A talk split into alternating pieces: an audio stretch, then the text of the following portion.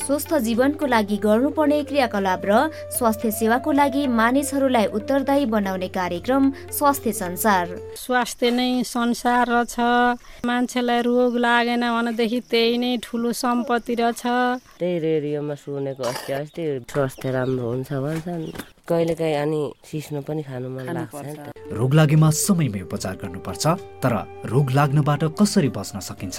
विषयवस्तु अनुसार बिरामी डाक्टर स्वास्थ्य संस्थाका जिम्मेवार व्यक्तित्वहरूसँग कुराकानी गर्छौँ चक्लेट चाउचाउ दिएर तँलाई मुटुको रोग लागोस् मृगौला खराब होस् भनेर चाहिँ तपाईँले यदि शराब दिन चाहनुहुन्छ भने यस्तो किसिमको खानेकुरा दिनुहोस् पेट दुख्यो भनेर भन्नलाई लाज लाग्दैन टिभी भयो भनेर भन्नलाई लाज लाग्दैन भने मानसिक रोग भयो भनेर भन्न के को लाज रोगै त हो नि घरा थुनेर राख्नुपर्ने औषधि हेल्थ पोस्टमा फ्री पाइन्छ गएर गभर्मेन्टले फ्री दिन्छु भनेर भनिया छ देओस् सामुदायिक रेडियो आफ्नो फिल्म एक सय चार थुप्रो आठ मेगा हर्स र internet online W W W dot आफ्नो फिल्म डट ओआरजीमा हरेक मङ्गलबार साँझ सात बजेदेखि सात तिससम्म र पुनः प्रसारण शुक्रबार बिहान छ तिसदेखि सात बजेसम्म सुन्न सकिन्छ कार्यक्रम स्वास्थ्य संसार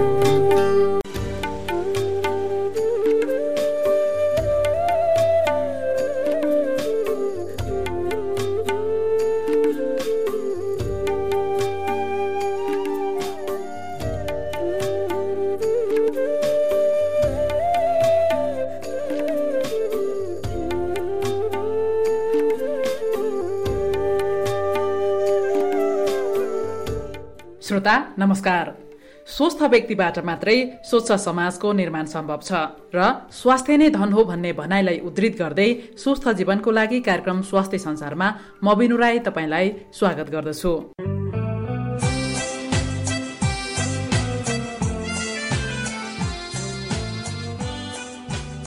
यस कार्यक्रम मानव विकास तथा सामुदायिक सेवा एचडिसिएसद्वारा ओखलढुङ्गामा सञ्चालित सामुदायिक रेडियो आफ्नो फेमले तयार पारेको हो स्वास्थ्य नै धन हो यदि हामी स्वस्थ भयौँ भने मात्रै सबै कुरा गर्न सक्छौँ स्वस्थ भएनौँ भने हामीले केही पनि गर्न सक्दैनौँ यसर्थ हामी कार्यक्रम स्वास्थ्य संसारमा रोग लागिहालेमा समयमै उपचार गर्ने तर रोग लागेर उपचार गर्नभन्दा पहिला रोगै लाग्न नदिने वा रोग लाग्नबाट कसरी बच्न सकिन्छ भन्ने विषयवस्तुलाई समेटेर कार्यक्रम प्रसारण गर्छौँ विभिन्न सर्ने र नसर्ने रोगबारे जानकारी दिने वातावरणीय तथा व्यक्तिगत सरसफाई सुरक्षित मातृत्व पोषण परिवार नियोजन र विभिन्न मौसममा लाग्न सक्ने रोगहरूको बारेमा छलफल गर्छौँ साथै स्वस्थ जीवनको लागि गर्नुपर्ने क्रियाकलाप र सरकारी तथा गैर सरकारी स्वास्थ्य संस्थाहरूले प्रदान गर्ने सेवा सुविधाबारे समुदायलाई जानकारी गराउँदै स्वास्थ्य सेवाको लागि उत्तरदायी बनाउने उद्देश्यले यस कार्यक्रम प्रसारण गरिएको हो यस कार्यक्रममा विषयवस्तु अनुसारको बिरामी डाक्टर स्वास्थ्य संस्थाका जिम्मेवार व्यक्तित्वहरूसँग कुराकानी गर्छौँ त्यस्तै रेडियो सामग्रीहरू विषयवस्तु अनुसारको नाटक कथा समाचार रेडियो रिपोर्ट र स्वास्थ्य सम्बन्धीका सन्देशमूलक गीतहरू आदि समावेश गर्छौँ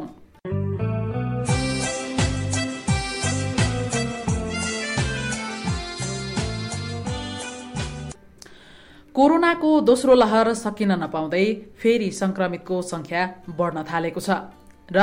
महामारीको तेस्रो लहरमा बालबालिकाहरू बढी पीडित हुने स्वास्थ्यविदहरूले आकलन गरेका छन् महामारीको पहिलो चरणमा बालबालिका सङ्क्रमण भएका थिएनन् तर दोस्रो लहरमा धेरै बालबालिकाहरू पनि सङ्क्रमित भइरहेका छन् अब स्वास्थ्यविदहरूले भने जस्तै कोरोनाको तेस्रो लहरमा बालबालिका बढी सङ्क्रमित हुने आकलन अनुसार यसबाट कसरी बच्ने अर्थात् यो महामारीलाई कसरी फैलिन नदिने अभिभावकहरूले के के कुरामा ध्यान दिने आजको बसाइमा यसबारेमा जानकारी पाउनुहुनेछ मैले स्वास्थ्य कार्यालय ओखलढुङ्गाका स्वास्थ्य प्रमुख सुमन तिवारीसँग कुराकानी गरेकी छु अब बाँकी चाहिँ कुराकानीबाट नै हुन्छ सर यहाँलाई कार्यक्रम स्वास्थ्य संसारमा स्वागत छ हजुर धन्यवाद हजुर कोरोनाको दोस्रो लहर पनि करिब करिब बिस्तारै सकिँदैछ भन्दाखेरि फेरि पनि बढ्न थालेको छ के छ यो पछिल्लो अवस्था यो निको हुने दर अलिक बढ्दै थियो हजुर। अहिले बिचमा आएर फेरि यो चार आठ दस दिनले चाहिँ पोजिटिभ केस पनि बढ्न थाल्यो हजुर। हिजो हामी बाह्र पर्सेन्ट्मा पुऱ्याइसकेको थियौँ हजुर। र अहिले आएर हेऱ्यौँ भने अठार पर्सेन्ट पुगिसक्यो भनेपछि यो दिनादिन बढ्ने क्रममा छ हजुर अब यता कता के पनि सुनिन्छ भने होइन नेपालमा तेस्रो लहर सुरु भयो है भन्ने खालको आकलनहरू गरिन थालिएको छ मैले पनि सुनेको अब नेपालमा आइसकेको छैन हजुर कहीँ कहीँ सुन्यो विराटनगरमै अ, त्यसको लहरा आयो अरे विराटनगरमा देखियो अरे भन्ने कुरा चाहिँ सुनियो हजुर। तर आधिकारिक अब अलिअलि हामीले पत्र पत्रिका पढेअनुसार चाहिँ त्यो पनि आउँछ है बालबालिकालाई त्यसले असर गर्छ भन्ने कुराहरू पनि हामीले सुनिरहेको छौँ बुझिरहेको छौँ अब त्यो आइसकेपछि नै अब त्यसो लहर सुरु भइसकेपछि नै हामीलाई अब थाहा हुन्छ हजुर दुई वर्षदेखि हामी चाहिँ कोरोनाले निकै नै गजडेको अवस्था छ तनावपूर्ण जीवन जिइरहेका छौँ दुई वर्षदेखि सङ्घर्ष गरिरहेका छौँ अझ बढी तनाव चाहिँ स्वास्थ्य कर्मीलाई छ कसरी व्यवस्थापन गर्दै हुन्छ ओखलढुङ्गामा चाहिँ पहिलो वेभ आयो जुन त्यो त्यसलेमा चाहिँ अलिकति मान्छेलाई धेरै डर त्रास पनि थियो म्यानेजमेन्ट पनि भएको थिएन हो तर पछि पछि बुझ्दै गयो हामीले हरेक स्वर हरेक देशहरूले पनि हाम्रो नेपाल सरकारले पनि सपोर्ट गर्न थाल्यो कि यो यो लाउनुपर्छ यस्तो गर्नुपर्छ भन्ने कुराहरू जुन भनिसकेपछि अहिले आएर काम गर्न त गाह्रो छ किन पोजिटिभपछि डर हुन्छ सरेर मान्छे र पहिलो लहरमा कम मरेका थिए अनि हजुर। दोस्रो लहरमा हेर्ने हो भने थुप्रो मरे हजुर हिजो तिन हजार मरेको थियो भने आज छ हजार क्रस भइसक्यो मर्ने भने नौ हजारभन्दा आँकडा पार गरिसक्यो हजुर भने यो अलिक खतरे रहेछ भन्ने कुरा चाहिँ हामीलाई डर पनि छ स्वास्थ्य कर्मीलाई पनि र केही स्वास्थ्य कर्मी इन्फेक्टेड पनि भए हजुर तर तिनीहरूले खोप लगाइसकेको हुनाले तिनीहरूलाई समस्या चाहिँ भएन हजुर अनि म्यानेजमेन्टलाई गाह्रो छ नि समाज पनि डराउने हाम्रो स्वास्थ्य कर्मी पनि डराउने मर्ने दर देखेर भोलि मलाई लागेपछि मरिन्छ कि भने तर एउटा राम्रो पक्ष के हो भने भ्याक्सिन लगाइसकेपछि मर्ने दर चाहिँ जिरो पोइन्ट जिरो फाइभ पर्सेन्टमा रहेछ हजुर भने त्यसले गर्दाखेरि अलिकति ढुक्क भएर नै हाम्रो स्वास्थ्य कर्मीहरूले पनि काम गरिरहनु भएको छ हजुर। चुनौती त छ सम- समाधान गर्दै गइरहनु भएको छ हजुर भनेपछि सबैभन्दा राम्रो औषधि चाहिँ अहिलेको लागि खोप नै हो खोप नै हो कोरोनाको लागि सबभन्दा अहिले हामीले देखेको पनि हजुर बुझेको पनि र जुन अहिले जनमानसमा चासोको विषय पनि छ नि हजुर। ए खोपले त बचिँदो रहेछ भने हिजो खोप ल्याएको थियो होइन लाउँदैन म त्यसले त के गर्छ के गर्छ भन्ने जुन एउटा मान्छेलाई शङ्का थियो नि हजुर त्यो शङ्का चाहिँ हट्यो अब ए खोपले त मान्छेलाई सुरक्षा नै गर्दो रहेछ भन्ने अब आउने खोपहरूलाई पनि मलाई लाग्छ अब जनमानसले प्राथमिकता दिनुहुन्छ हजुर। कि हामीले लाउनुपर्छ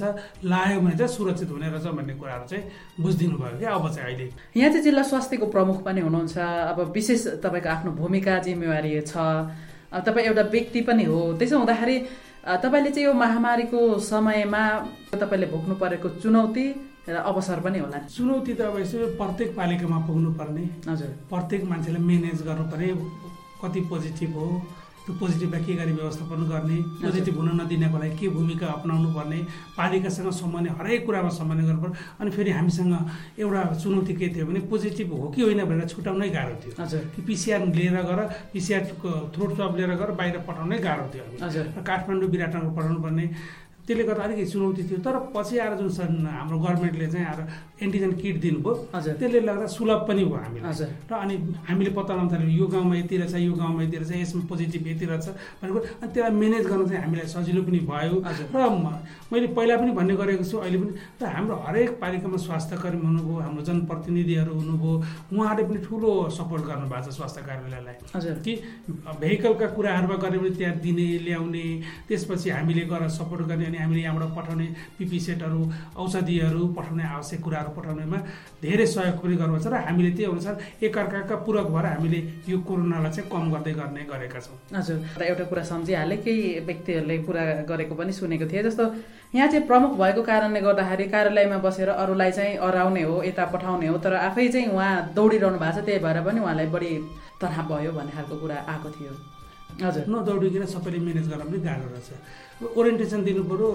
स्वास्थ्य कार्यालय प्रमुखले सिकेको छ हजुर हाम्रो ल्याबको मान्छेले सिकेको छ त्यसले दिनै पऱ्यो हजुर यो कसरी गर्ने के गर्ने सोध्छन् कसरी गर्ने मौखिक बताएर भएन हजुर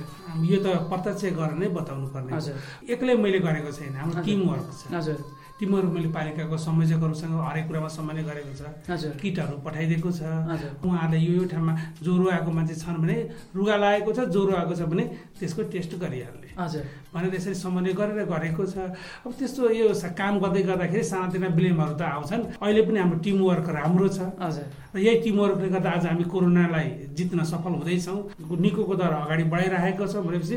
यसलाई सकारात्मक रूपमा पनि यहाँ हजुर। लिन सक्नुहुन्छ किन भन्दाखेरि तपाईँले बसेर सबै व्यवस्थापन गरेर अरूलाई त्यो ठाउँमा पठाउनु भएको भए तपाईँलाई पनि सहज हुन्थ्यो भन्ने हिसाबले पनि भनिएको हुनसक्छ होइन त्यही त हाम्रो साथीहरूलाई धन्यवाद पनि दिन्छु किनभने हजुर। खालि स्वास्थ्य कार्यालय प्रमुख आफै कुद्नुभयो भन्दा पनि म एक्लै कुदेको छ हामी टिमलाई परिचालन गरेको छ हजुर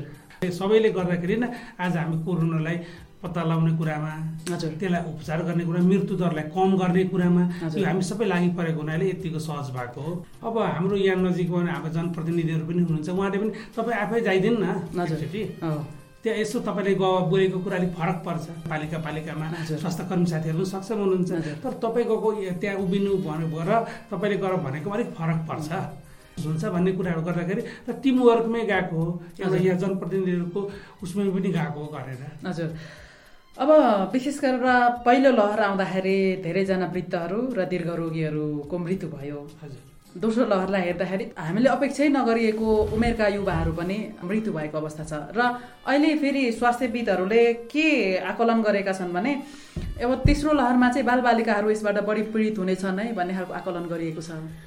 बालबालिकाको मृत्यु चाहिँ त्यति धेरै भएको छैन अपवादमा दुई चारजना भएको छ हजुर तर जस्तै हाम्रै ओखलडुङ्गाको पनि हेर्ने हो भने हामीले पाँच वर्ष मुनिको बच्चा पन्ध्रजना इन्फेक्टेड भए तर पन्ध्रजनाको सातजना पुरुष आठजना महिला भए हजुर। त्यहाँ कसैले केही पनि निर्वाह- नर्मली निको भयो हजुर पन्ध्र वर्ष मुनिको पनि हेर्ने हो भने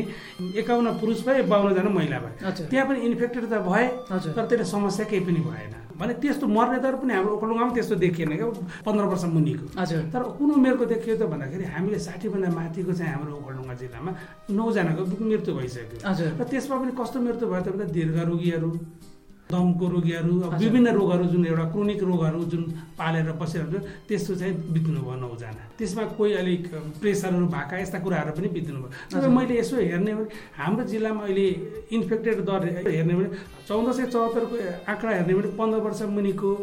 त्यसपछि पाँच वर्ष मुनिको बच्चाहरूलाई केही भएको छैन हजुर र पचास वर्ष मुनिकोलाई पनि त्यस्तो केही भएको छैन हजुर। त्योभन्दा माथिलाई चाहिँ समस्या धेरै देखिएको छ हजुर त्यो पनि कस्तो छ भने बहत्तर चौहत्तर जसैले खोप लगाएको छैन हजुर। जुन हाम्रो एउटा अपर्च्युनिटी पायो पचपन्नदेखि माथिकाले खोप लाउने हजुर जसले खोप लगायो त्यसलाई समस्या भएन हजुर जस खोप लाउने मौका आउँदा पनि नलगाएको हुनाले हजुर त्यस्तो मान्छेको दीर्घ रोगीहरूको मृत्यु भएको हो। हजुर जुन अ, पाँच वर्ष मुनिको पन्ध्रजना भन्ने कुरा गर्नुभयो जस्तो यो चाहिँ दोस्रो लहरमा हो दोस्रो पहिलो लहर। चरणमा बालबालिकालाई भएको थिएन भएको थिएन हाम्रो तथ्याङ्कमा छैन छैन। तर दोस्रो लहरमा भएको कारणले गर्दाखेरि यसरी पनि आकलन गर्न सकिन्छ कि तेस्रो लहरमा साँच्चीकै बालबालिका बढी पीडित हुने हुन् कि एकदम धन्यवाद यो जुन प्रश्न गर्नुभयो हाम्रो हरेक मिडियाले हाम्रो माथिबाट डब्लुएचओले के भन्छ अबको अबको तेस्रो लहर भनेको बालबालिकालाई नै पीड हुन्छ है समस्या हुन्छ जुन हाम्रो बिस वर्ष मुनिका बालबालिकाहरू छन् हजुर तिनीहरूलाई नै समस्या हुन्छ भन्ने कुरा आएको छ हजुर फेरि मैले अ- अस्तिको दिनमा पढेँ अब बालबालिकालाई त त्यति अबको तेस्रोले त्यति गर्दैन भन्ने कुरा तर अहिले हामीले जब नआइकन नबुझिकन बोल्ने कुरो पनि भएन हजुर। यसमा। अब आएको कुरालाई त हामीले फेरि समाधान गर्नै पर्छ म्यानेजमेन्ट गर्नै पर्छ हजुर। अनि अहिले हाम्रो जिल्लामा जुन देखियो मैले आँकडा हजुर। अनि धेरै चौध सयजनामा पन्ध्रजना नाइन्टी थ्रीजना छन् त्यस्तै हजुरलाई एका पन्ध्रजना छन् प- पाँच वर्ष मुनिको बच्चा हजुर म यी बच्चालाई चाहिँ सर्ने दर अहिले यसो हेऱ्यो भने उनीहरू त घरमै छ नि बालबालिकाहरू हजुर। छ तर सर्ने दर कम देखिएको देखियो उनीहरूलाई चाहिँ उनीहरूलाई चाहिँ तर यसरी पनि विश्लेषण गर्न सकिन्छ कि पहिलो चरणमा भनौँ जब कोभिड देखा पर्यो त्यतिखेर बालबालिकाहरूलाई थिएन तर अहिले दोस्रो चरणमा हुनु भनेको चाहिँ अ, यो एक खालको हामी त्यहाँबाट पनि आकलन गर्न चाहिँ सकिन्छ अब बालबालिकालाई चाहिँ किन भन्दाखेरि अब वृद्धहरूलाई पनि खोप लगाइयो धेरै अ, जो युवाहरू हुनुहुन्छ कर्मचारीहरू हुनुहुन्छ उहाँले पनि खोप लगाइसक्नु भएको छ खोप नलाउने भनेको त बालबालिका मात्रै हो बालबालिका। त्यस कारणले पनि बालबालिकालाई चाहिँ बढी जोखिम छ कि भनेर आकलन त गर्न सकियो नि डब्लुएचओले पनि आकलन त्यही नै गरिरहेको छ अबको तेस्रो लहर भनेको बालबालिकालाई पनि धेरै इन्फेक्टेड हुन्छ है भनेर अनि हामीले पनि अब त्यही अनुसार योजना तयारीहरू गरेका छौँ के के तयारी भइरहेछ जस्तै त्यो हाम्रो पनि तयारी भनेको जस्तै बा अब स्कुलहरू लगाउने कुरामा भयो स्कुल नलगाउनु होला भन्ने अब एक्जाम लिनुहुन्छ भने भर्चुअल लिनुहोस् पालिकाहरूमा समाजको साथीहरूसँग कुरा पनि गरेको छौँ हजुर। र यहाँहरूले एउटा ओरिएन्टेसन दिँदा यस्ता कुराहरू पनि राखिदिनु होला तपाईँहरूले भनेर हजुर। दि- लिनै पर्यो भने स्कुल लगाउनै पर्यो भने भौतिक दूरी कायम गर्ने या त खोप लगाइसकेपछि स्कुलहरू खोल्नु पर्यो हजुर होइन भने सजगता नै अपनाउनु पर्ने ठुलो कुरा हो र हाम्रो काउन्सेलिङका कुराहरू छन् हजुर र अब नदिनको लागि हामीले अहिले थाहा पाइसक्यौँ कि हाम्रो चुनौती कस्तो छ त हजुर बालबालिका पनि इन्फेक्टेड हुन्छन् त्योभन्दा त्यो बिचसम्म चालिस पचास वर्षका मान्छे तिस वर्षका मान्छे पनि इन्फेक्टेड भए हजुर र यिनीहरूको मृत्यु पनि भयो अनि अब फेरि भोलि बालबालिका हुँदैन भन्न सकिँदैन भाइरस हो हुन पनि सक्छ हजुर। तर त्यो वेब आउन दिनुभन्दा अगाडि हामी सजग भयौँ भने म समग्र नेपालकै कुरा गर्छु हजुर। विश्वले पनि अब सम विश्वले पनि आफ्नो स्ट्राटेजीहरू अप्नाइरहेको छ कि हजुर। अब हामीले स्कुल खोल्नु हुँदैन स्कुल खोले पनि भौतिक दूरी कायम गर्नुपर्छ मास्क लाउनुपर्छ अब गाडीहरूका कुराहरू गऱ्यो ट्रान्सपोर्टेसनका कुराहरू गऱ्यो किनभने बच्चाहरूलाई ट्रान्सपोर्टमा चढेर जाने हुन्छन् हजुर अब त सबै भेहिकलमै चढेर जाने हुन्छन् कति हिँडेर जाने त हुँदैनन् हजुर। अब तिनीहरूलाई पनि सर्न सक्छ हजुर। अब पहिलो राम्रो उपाय त के हो भन्दा यिनीहरूलाई सकिन्छ भने यिनीहरूलाई खोप दिनु पर्यो खोप दिइसकेपछि हामीले बच्चाहरूलाई चाहिँ स्कुलहरू पठाउने हजुर र ब- अरूतिर पठाउने तर खोप दिए पनि जुन हाम्रो एउटा मापदण्ड छ नि मास्क लगाउने हजुर। दुरी मेन्टेन गर्ने त्यो गरेको खण्डमा हामी यसलाई जित्न सक्छौँ कि भन्ने कुरा मेरो आफ्नो ओपिनियन हो यो हजुर चाहिँ तर बालबालिकाको लागि त खोपै आएको छैन नि त अहिलेसम्म बालबालिकाको लागि खोप छैन भोलि आउने कुरा जस्तै हामी अहिले अमेरिकामा जोन्सन एन्ड जोन्सनको एक डोज भन्ने आउँदैछ हजुर अब आउँदैछ म पनि आउने नेपाल सा- न्यु पत्र पत्रिका न्युजमा सुनेअनुसार र हाम्रो भर्चुअल मिटिङ अब हामी यहाँबाट मगाउँदैछौँ यहाँबाट मगाउँदैछौँ अब झर्ने क्रम पनि छँदैछ भनेपछि हाम्रो तुरुन्तै गाउँमा हुन्छ अब कुन लेभललाई दिने त हजुर भन्ने एउटा पोलिसी बनाउनुहुन्छ माथिबाट आशा गरौँ चाँडै बालबालिकाको लागि पनि त्यो खोप आउनेछ र माग पनि भएको छैन जस्तै टिचरहरूले पनि हामी स्कुल अहिले खोल्न सक्दैनौँ बालबालिकालाई खोप दिनुहुन्छ हामीलाई खोप दिनुहुन्छ भने हो बल्ल हामी स्कुलहरू खोल्न सक्छौँ हो। नभए यो थाम्न सकिँदैन भन्ने विज्ञले पनि भनेका छन् हजुर हामीले पनि पत्र पत्रिका हरेक कुराबाट भर्चुअल मिटिङको माध्यमबाट हाम्रो स्वास्थ्य मन्त्रालयका कुराहरूबाट सुनिरहेका छौँ हामी। हजुर स्वास्थ्य मन्त्रालयले चाहिँ यसअघि एकपल्ट अब बालबालिकाको लागि चाहिँ प्रत्येक अ, अस्पतालमा चाहिँ वार्ड छुट्याउनु भनेर पनि एक खालको त्यो आह्वान गरिसकेको अवस्था छ अ, केही समय अगाडि नै तेस्रो चरणको लहरमा चाहिँ बढी बालबालिकाहरू सङ्क्रमित हुने भन्ने कुराले चाहिँ आमा बुवा त्रसित हुनुहोला किनभने अब हामी बुझ्ने मान्छे नै त आइसोलेसनमा बस्दाखेरि निकै त्यति सजिलो छैन धेरैले अनुभव गरेको कुरा हो यो अब बालबालिकालाई त त्यति सजिलो छैन त्यस कारणले बालबालिकालाई आइसोलेसनमा लानुभन्दा अगाडि कोभिड हुनुभन्दा अगाडि कसरी उनीहरूलाई जोगाउन सकिन्छ सर भनेको त्यो जोगाउने भनेको कुरा एउटै हो हामीले कि त पहिला खोप लगाउनु पर्यो बालबालिकालाई हजुर होइन भने बालबालिकालाई स्कुल लगाउने भने जुन अहिले हाम्रो दूरी मेन्टेन गर्ने त सबैले दूरी मेन्टेन पनि गर्दैन हो, भौतिक दूरी कायम नगर्ने हो भने त सर्न सक्छ हो, फेरि भाइरस हो एकजनालाई सर्यो अर्कोलाई सर्यो फेरि यसको सर्ने पनि फरक कोही पाँच मिनटमा सर्छ भन्छन् कोही बाह्र सेकेन्डमा सर्छ भन्छन् हजुर कोही दुई मिनटमा सर्छ भन्छन् अब यसको आफआफ्नो एउटा ऊ छ हजुर सर्ने पनि होला हजुर अब कोही यसो गफ गर्ने बित्तिकै सर्ने हो कि धेरै मापदण्ड अनि तर अब एउटै नसर्ने कुरा के हो त भन्दा हामीले पढेका बुझेका ले सुनेको कुरा र गरिरहेको कुरा के हो त भन्दा मास्क लगाउने अँ। सेनिटाइजर बालबालिकालाई त मास्क लगाउनु पनि गाह्रो छ लगाउनु पनि गाह्रो छ मास्क लगाउने हात धुने सेनिटाइजर जुन एउटा नर्मल कुरा चलिरहेको छ नि जुन यो यो गर्ने भनेर एउटा स्वास्थ्य शिक्षा दिइरहेको छ हजुर। त्यो कुरा अप्नाउनु पर्ने त जरुरी छ त्यो ज- अरूलाई अ, जस्तो खालको त्यो मापदण्ड हो बालबालिकामा पनि त्यही लागु त्यही नै हुन्छ लागु हुन्छ। तर बालबालिकालाई अभिभावकले बढी रखवाल गर्नु पर्यो रखभाल गर्नु पर्यो र पन्ध्र वर्षको केटाकेटी कस्तो हुन्छ पाँच वर्षको केटाकेटी कस्तो हुन्छ हो। यो त तपाईँ हामी जुन अभिभावक हो नि हामीलाई थाहा छ नि हाम्रो बच्चाहरू कति उछलकुद गर्ने हुन्छन् हजुर कति चञ्चल हुन्छन् हो। उनीहरू जब पढ्छ मात्रै अनि थाहा हुन्छ खोपहरू लगाउने हजुर। खोप लगाए तापनि फेरि त्यसले अरूलाई सार्न सक्ने हुन्छ मास्क लगाउने यस्ता कुराहरू स्कुलबाट पनि पालना गराउनु पर्ने हुन्छ हजुर अ, हुन त अहिलेसम्म बालबालिकाले ज्यान गुमाएको खबर त हामीले सुन्न पाएको छैन कोभिडबाट नेपालमा नेपालमा पहिलो चरण दोस्रो चरणको अवस्थालाई हेर्दाखेरि तेस्रो चरणमा त्यस्तो किसिमको समय नआउला भन्न सकिँदैन त्यसको लागि हामी अगाडि नै सचेत हुनुपर्ने जरुरी छ अझ बालबालिका बढी जोखिम किन हुन्छन् भन्दाखेरि उनीहरू बालबालिका हो बच्चाहरू साथीहरूसँग भेला भएर खेल्नुपर्ने अनि अलिक चञ्चलपन होइन उनीहरू छुकछुक गर्ने भएको कारणले गर्दाखेरि पनि अभिभावकहरूले बढी ध्यान पुर्याउनु पर्ने चाहिँ छ अब बालबालिका आफै सजग हुन सक्दैनन् तर यो- यो सबै पुरै जिम्मेवारी चाहिँ अभिभावकको भएको कारणले गर्दाखेरि अभिभावकले के गर्नुपर्छ भन्ने कुराहरू यहाँले भनिसक्नु भएको छ एउटा त विद्यालय अहिलेसम्म पनि खुलेको छैन र सायद अब केही समय नखुल्न पनि सक्छ अब यो श्रावण हप्ताबाट फेरि अर्को निषेधाज्ञा चाहिँ सुरु हुन्छ कि भन्ने खालको खबरहरू पनि आइसकेको कारणले गर्दाखेरि सायद सम्भवतः अहिले नहुन सक्छ यो काम गर्दै गर्दाखेरि साँच्चीकै हामी एउटा नागरिक भएको हैसियतले के कुरा चाहिँ गल्ती गर्यौँ जुन कारणले गर्दाखेरि कोरोनाको सङ्क्रमण चाहिँ धेरै फैलियो यो दोस्रो लहरमा बहुत राम्रो प्रश्न गर्नुभयो मलाई धेरै धन्यवाद हाम्रो पिनु म्याम हामीले के भन्छ मापदण्ड अप्नाऊ अप्नाऊ भन्छौँ नि अब जनताले भनौँ न अथवा हजुर। पब्लिकले हजुर पटक्कै मान्दैनन् क्या सुरक्षाकर्मीले देख्छ कि हजुर अथवा अर्कोले मलाई गाली गर्छ कि भन्ने कुरा त्यो मास्क लाउनु मैले त आफू सुरक्षित हुनु हो नि त हजुर हो तर त्यो नगरेर मास्क नाकमा यता मुखनेरि ल्याइदिने अँ, मास्कलाई हातमा लगाइदिने अँ, अनि अथवा हात पनि नधुने यस्ता कुराहरू एउटा हामी आफैले चाहिँ त्यो यो भित्र छिराएको हो क्या हजुर जस्तै अब लकडाउन भयो भनौँ भोज मात्रै गरिदिने पार्टी गरिदिने अनि त्यहाँ त अब कसलाई पोजिटिभ छ कसलाई पोजिटिभ छैन त्यो पनि थाहा हुँदैन अँ। अनि त्यसको जुठो अल्कोहल खाने अब यो भनौँ न माहौले हाम्रो भोज भतेर गर्दाखेरि त्यहाँ हरेक कुरा हुन्छन् अँ। अब मैले यही हुन्छ भन्ने त कुरो भएन तर हजुर। भोज भतेर त्यहाँ अर्कोले खाने अर्कोले खाने त्यसलाई सर जस्तै हिजो हाम्रो ओखलढुङ्गाको हेऱ्यौँ भने एकै ठाउँमा पचास सयजनाको गरेको छ पचासजनाको देखिन्छ अँ। तिन सय गर्ने जनाको गरेको छ दुई सय अढाई सयजनाको देखियो मान्छे आफैले हेल्थ चेकराई गरेर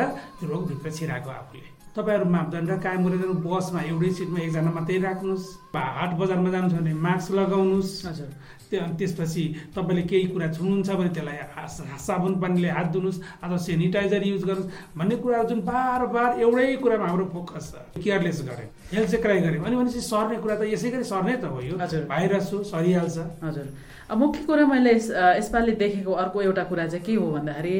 अब यो कोरोना चाहिँ केही पनि होइन रहेछ खास घरमै बसेर अम, राम्रोसँग खायो भने निको हुन्छ भन्ने हिसाबले धेरैजना जसाउनु जानु भएन त्यो कारणले गर्दाखेरि अरू धेरैमा सर्यो भन्न मिल्छ कि मिल्दैन सरकार जस्तो अहिले होम आइसोलेसनमा को सिस्टम आयो नि त पछिल्लो समय सरकारले पनि होम आइसोलेसनमा घरमै आइसोलेसन छुट्टै राखेर चाहिँ उपचार गर्ने भन्ने कुरा भयो यसले गर्दाखेरि पनि घरमै होम आइसोलेसन बस्नुको मतलब के हो भन्दा सुरक्षित बस्नु भनेको नि सरकारले हजुर अथवा गभर्मेन्टले त के भन्छ भने सुरक्षित बस्नु भनेको नि उसलाई यहाँ घुम्नु बाहिर घुम्नु तास खेल्नु अथवा रमाइलो गर्नु भोजभतेर गर्नु भनेको त होइन नि त हजुर तपाईँ पोजिटिभ हुनुभयो पछि होम आइसोलेसन भयो, तपाईँ दस पन्ध्र दिन पछाडि मात्रै बाहिर निक्लिनु होला त्यो पनि निक्लिँदाखेरि एउटा मापदण्ड स्वास्थ्यका जुन मापदण्ड छन् हजुर। त्यो अप्नाएर निक्लिनु होला तर उहाँले के गर्नु त आउनुभयो अलिअलि ज्वरो ए, यस्तै हो नर्मली ज्वरो रुगा त हुन्छ भनेपछि उहाँ यता पनि जानु उता पनि मास्क पनि प्रयोग गर्नु घर परिवारसँग घुलमिल हुनुभयो हजुर अनि त्यहाँ त सर्ने नै भयो नि यो भाइरस हो सरि नै हाल्छ र अहिले हेर्ने सर्ने दर पनि त्यसै गरी धेरै भएको छ जस्तै काठमाडौँबाट नाति नातिनाले छोरा छोरा छोराहरूले ल्याउनु भयो हजुर घरको गार्जेनलाई भयो किन घरको गार्जेन त बाहिर जानुभएको थिएन यो नै हाम्रो हेल्थ चेकराईले भएको हो हजुर किनभने सरकारले पनि तपाईँहरू कहीँ बाहिरबाट आउनुभएको छ काठमाडौँबाट जानुभएको छ कहीँबाट जानुभएको छ भने तपाईँ दस दिन कन्टिन्यू होम आइसोलेसनमा बस्नुहोस् सुरक्षित बस्नुहोस् एक अर्कामा दुरी मेन्टेन गर्नुहोस् भा- भौतिक दुरी कायम गर्नुहोस् मास्क लाउनुहोस् भनेकै छ भनेपछि त त्यो नगरिदिएपछि त हेल्थ चेकराई गरेपछि त पक्का सर्छ सर्छ नि र सरे सरेको पनि त्यही हो हजुर हुन्छ हामी कुराकानीको अन्ततिर छौँ अब हामी तेस्रो लहरको कुरा गर्दैछौँ तेस्रो लहरमा पनि विशेष बालबालिकाको कुरा आएको कारणले गर्दाखेरि बालबालिका अझ संवेदनशील क्षेत्र हो यो यो कार्यक्रमको उद्देश्य के हो भने अभिभावकहरू अथवा हामी जनताहरू हामी सचेत हौँ कि हिजोको दिनमा हामी आफै यतिको सचेत हुँदाखेरि त निकै गाह्रो भयो भने त्यो बालबालिकाहरूलाई जोगाउन कठिन छ त्यसको लागि चाहिँ अझ सचेत हुनको लागि मद्दत पुगोस् भन्ने हिसाबले मैले यो कार्यक्रमलाई निर्माण गर्दैछु त्यसो हुँदाखेरि हाम्रो रेडियो सुन्ने श्रोताहरूलाई यहाँले के सन्देश दिनुहुन्छ दर पनि अघि मैले भने नि बाह्र पर्सेन्टमा हामी झरिसकेको थियो अहिले छ पर्सेन्ट बढेर अठार पर्सेन्ट भयो फेरि यही दर बढ्दैन भन्ने केही उ छैन बढ्न पनि सक्छ हजुर त्यसरी हामीले बालबालिकालाई सुरक्षित गर्न स्कुल लगाउने हो भने मैले अघि पनि भने बालबालिकाको दु- दुरी दुरी मेन्टेन गर्ने र एउटा काउन्सिलिङ बाटो गरेँ अब अहिले त हाम्रो बालबच्चालाई सानैमा मोन्टेसरी पनि पठाउने चलन छ त्यो बच्चाहरूको बालबालिकाहरूको इम्युनिटी पनि कम रोगसँग लड्ने क्षमता पनि कम हुन्छ हजुर भने भाइरसले त भोलि तिनीहरूलाई च्याप्न सक्छ हजुर त्यसैले यो- मैले पनि तेस्रो लहर आयो भने बालबालिका चाहिँ इन्फेक्टेड हुन्छन् है भन्न खोजेको किन बालबालिकामा इम्युनिटीसँग रोगसँग लड्ने क्षमता चाहिँ कम हुन्छ हजुर त्यो भएपछि रोगले पनि यसलाई सजिलो पनि त्यस्तो छ जहाँ इम्युनिटी कम हुन्छ अथवा रोगसँग लड्ने क्षमता जहाँ हुन्छ त्यहाँ भाइरसले एट्याक गर्ने त हो अथवा इन्फेक्टेड गराउने त हो हो हामीले पहिला सजग हुनको लागि सम्पूर्ण जनसमुदायलाई म बचेँ भने मात्रै अरू बच्छन् भन्ने एउटा सोच दिनु पर्यो हजुर दस दिन धेरै ठुलो कुरो होइन भोलि त्यसले मृत्यु पनि भएको छ दस दिन पालना नगर्दा हजुर। मान्छेको मृत्यु भएको छ हजुर एकजनाले गर्दा अर्को मान्छेलाई इन्फेक्टेड भएर मान्छेको मृत्यु भएको छ हजुर यो बुझिदिनुहोस् कि म इन्फेक्टेड भयो भने मैले दसौँजनालाई गराउँछु इन्फेक्टेड हजुर। त्यसैले तपाईँलाई जुन एउटा पालना गर्नु भने चाहिँ दस दिनमै बस्दिनु निको भइसकेपछिको पनि समस्या छ हामीले हजुर। सुन्छौँ नि त हजुर निको भइसकेपछि कसैको जिउ दुखिराख्ने कसैलाई खाना मन नहुने कसैलाई त्यसका सिम्टम्सहरू देखिरहने हजुर र क्रोनिक झाडा यस्ता कुराहरू देखिरहेका छौँ हामीले र लङ्सहरूमा पनि प्रब्लम गरिरहने भन्ने सुनेका छौँ हामीले हजुर। भने भोलि हुँदैन भन्ने ग्यारेन्टी छैन हजुर त्यसैले यहाँहरूलाई के त हाम्रो भन्दा सम्पूर्ण जनसमुदायलाई चाहिँ सजग रहनुहोस् अरूलाई पनि सजग हुन सिकाउनुहोस् अँ। पहिला त आफै सजग हुनुहोस् हजुर आफू सजग भएपछि अरूलाई हामी सुरक्षा प्रदान गर्न सक्छौँ। सक्छौँ नभए तपाईँ हामी नै सजग भएन भने हामीले यो रोग सार्दै जान्छौँ भोलि हाम्रो नेपालमा हरेक कुरा एभाइलेबल छैन हजुर अमेरिका त्यत्रो ठुलो देश विकसित देश त्यहाँ त त्यत्रो समस्या भयो हिजो हामी कोभिसिल्ड भ्याक्सिन लगाएको थियौँ हजुर नेपालले दोस्रो दिन सकेको छैन हो। ने गभर्मेन्टलाई गाह्रो परेको छ हजुर। अर्कै देशमा हामी निर्भर भएका छौँ हजुर। भ्याक्सिन हामीले प्रोडक्ट गर्न सकेका छैनौँ हजुर। भने समयमा हामीले भ्याक्सिन लाउन पाएन भने त समस्या हुन्छ हजुर त्यसैले सुरक्षित रहँ आफू सुरक्षित भएपछि अरू पनि सुरक्षित हुन्छ भन्ने चाहिँ यो मूल उद्देश्य चाहिँ राख्नुपर्छ सम्पूर्ण हजुर कतिपय कोभिड भएका व्यक्तिहरूलाई उनीहरू निको भए पनि उनीहरूमा लामो समय अरू समस्याहरू देखिरहेका छन् त्यस कारणले मलाई कोभिड भए पनि केही छैन रुगाखोकी जस्तो हो निको भइहाल्छ भनेर सोच्नु भएन सुनिरहेका छौँ धेरैले भोगिरहेका छौँ स्वास्थ्य कर्मीको जुन खालको महत्त्व पहिला पनि हामीले बुझेका थियौँ तर अझ यो कोरोना भाइरसले स्वास्थ्य कर्मीको महत्त्व चाहिँ राम्रोसँग बुझाएको छ साँच्चीकै यो महामारीको समयमा विश्वभरि नै सबैभन्दा आ, आभार प्रकट गर्नुपर्ने अथवा राम्रो प्रकारले चाहिँ एउटा सेवा पुर्याएको चाहिँ स्वास्थ्य कर्मीहरू जो चाहिँ डाक्टर नर्सहरू हुनुहुन्छ यहाँ स्वास्थ्य कर्मीहरू हुनुहुन्छ जति आभार प्रकट गरे पनि त्यो सायद कम नै हुन्छ होला जस्तो लाग्छ मैले यहाँले जुन प्रकारले आफ्नो भूमिका खेल्नु भएको छ जुन सेवा प्रदान गर्नुभएको छ यसको लागि हामी पनि हामी नागरिक सल्युट गर्छौँ तपाईँहरूलाई धन्यवाद यो स्वास्थ्य कर्मीले गरेको कामका मूल्याङ्कनहरू गरिदिने जुन मिडियाले गरिदिएको छ हजुर मिडियाले ल यो स्वास्थ्य कर्मीले यहाँ यसो गर्यो यसले आफू दिनरात खटेर यो गर्यो भने जुन एउटा स्वास्थ्य कर्मीको भूमिका त छँदैछ स्वास्थ्य कर्मी गर्ने एउटा सेवा नै धर्म हो भनेर ऊ यो त्यो पेसामा पसिसकेपछि उसले गर्ने काम कर्तव्य त गरेकै छ तर के गर्यो त कहाँ कहाँ के के गर्यो भने मिडियाले जुन सपोर्ट गरिरहेको छ म स्वास्थ्य कार्यको तर्फबाट मेरो व्यक्तिगत तर्फबाट धेरै धेरै धन्यवाद दिन्छु जुन कोरोनाको अवस्था के छ त हामी निष्क्रिय छौँ कि सक्रिय छौँ त अहिले डर के छ त हाम्रो अब ओखलढुङ्गाको अवस्था कस्तो छ त भन्ने एउटा ओखलढुङ्गामा जुन मिडियाले एउटा सपोर्ट गर्नुभएको छ त्यो त सराहनीय नै छ नेपालभरिमा अरू देशहरूमा पनि जुन मिडियाले गर्नुभएको भूमिका छ त्यो पनि सराहनीय छ म मिडियालाई पनि स्वास्थ्यको तर्फबाट धेरै धेरै धन्यवाद दिन चाहन्छु हस् धेरै धन्यवाद सर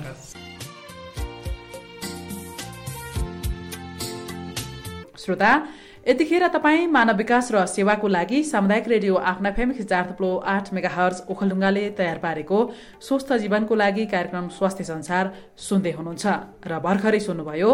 कोरोनाको तेस्रो लहर र यसबाट बालबालिकालाई सुरक्षित राख्ने उपायबारे स्वास्थ्य कार्यालय ओखलढुङ्गाका प्रमुख सुमन तिवारीसँग गरिएको कुराकानी श्रोता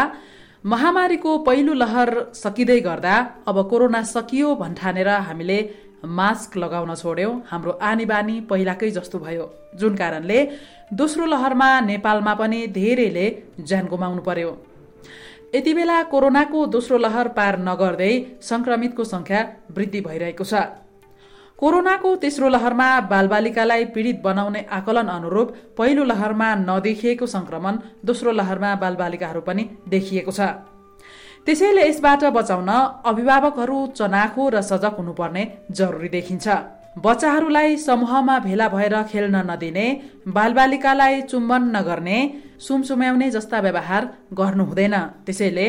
अन्त्यमा फेरि स्वास्थ्य सुरक्षाको मापदण्ड पालना गर्न नभुलौँ र नछोडौँ आफू बचाउँ र अरूलाई पनि बचाउँ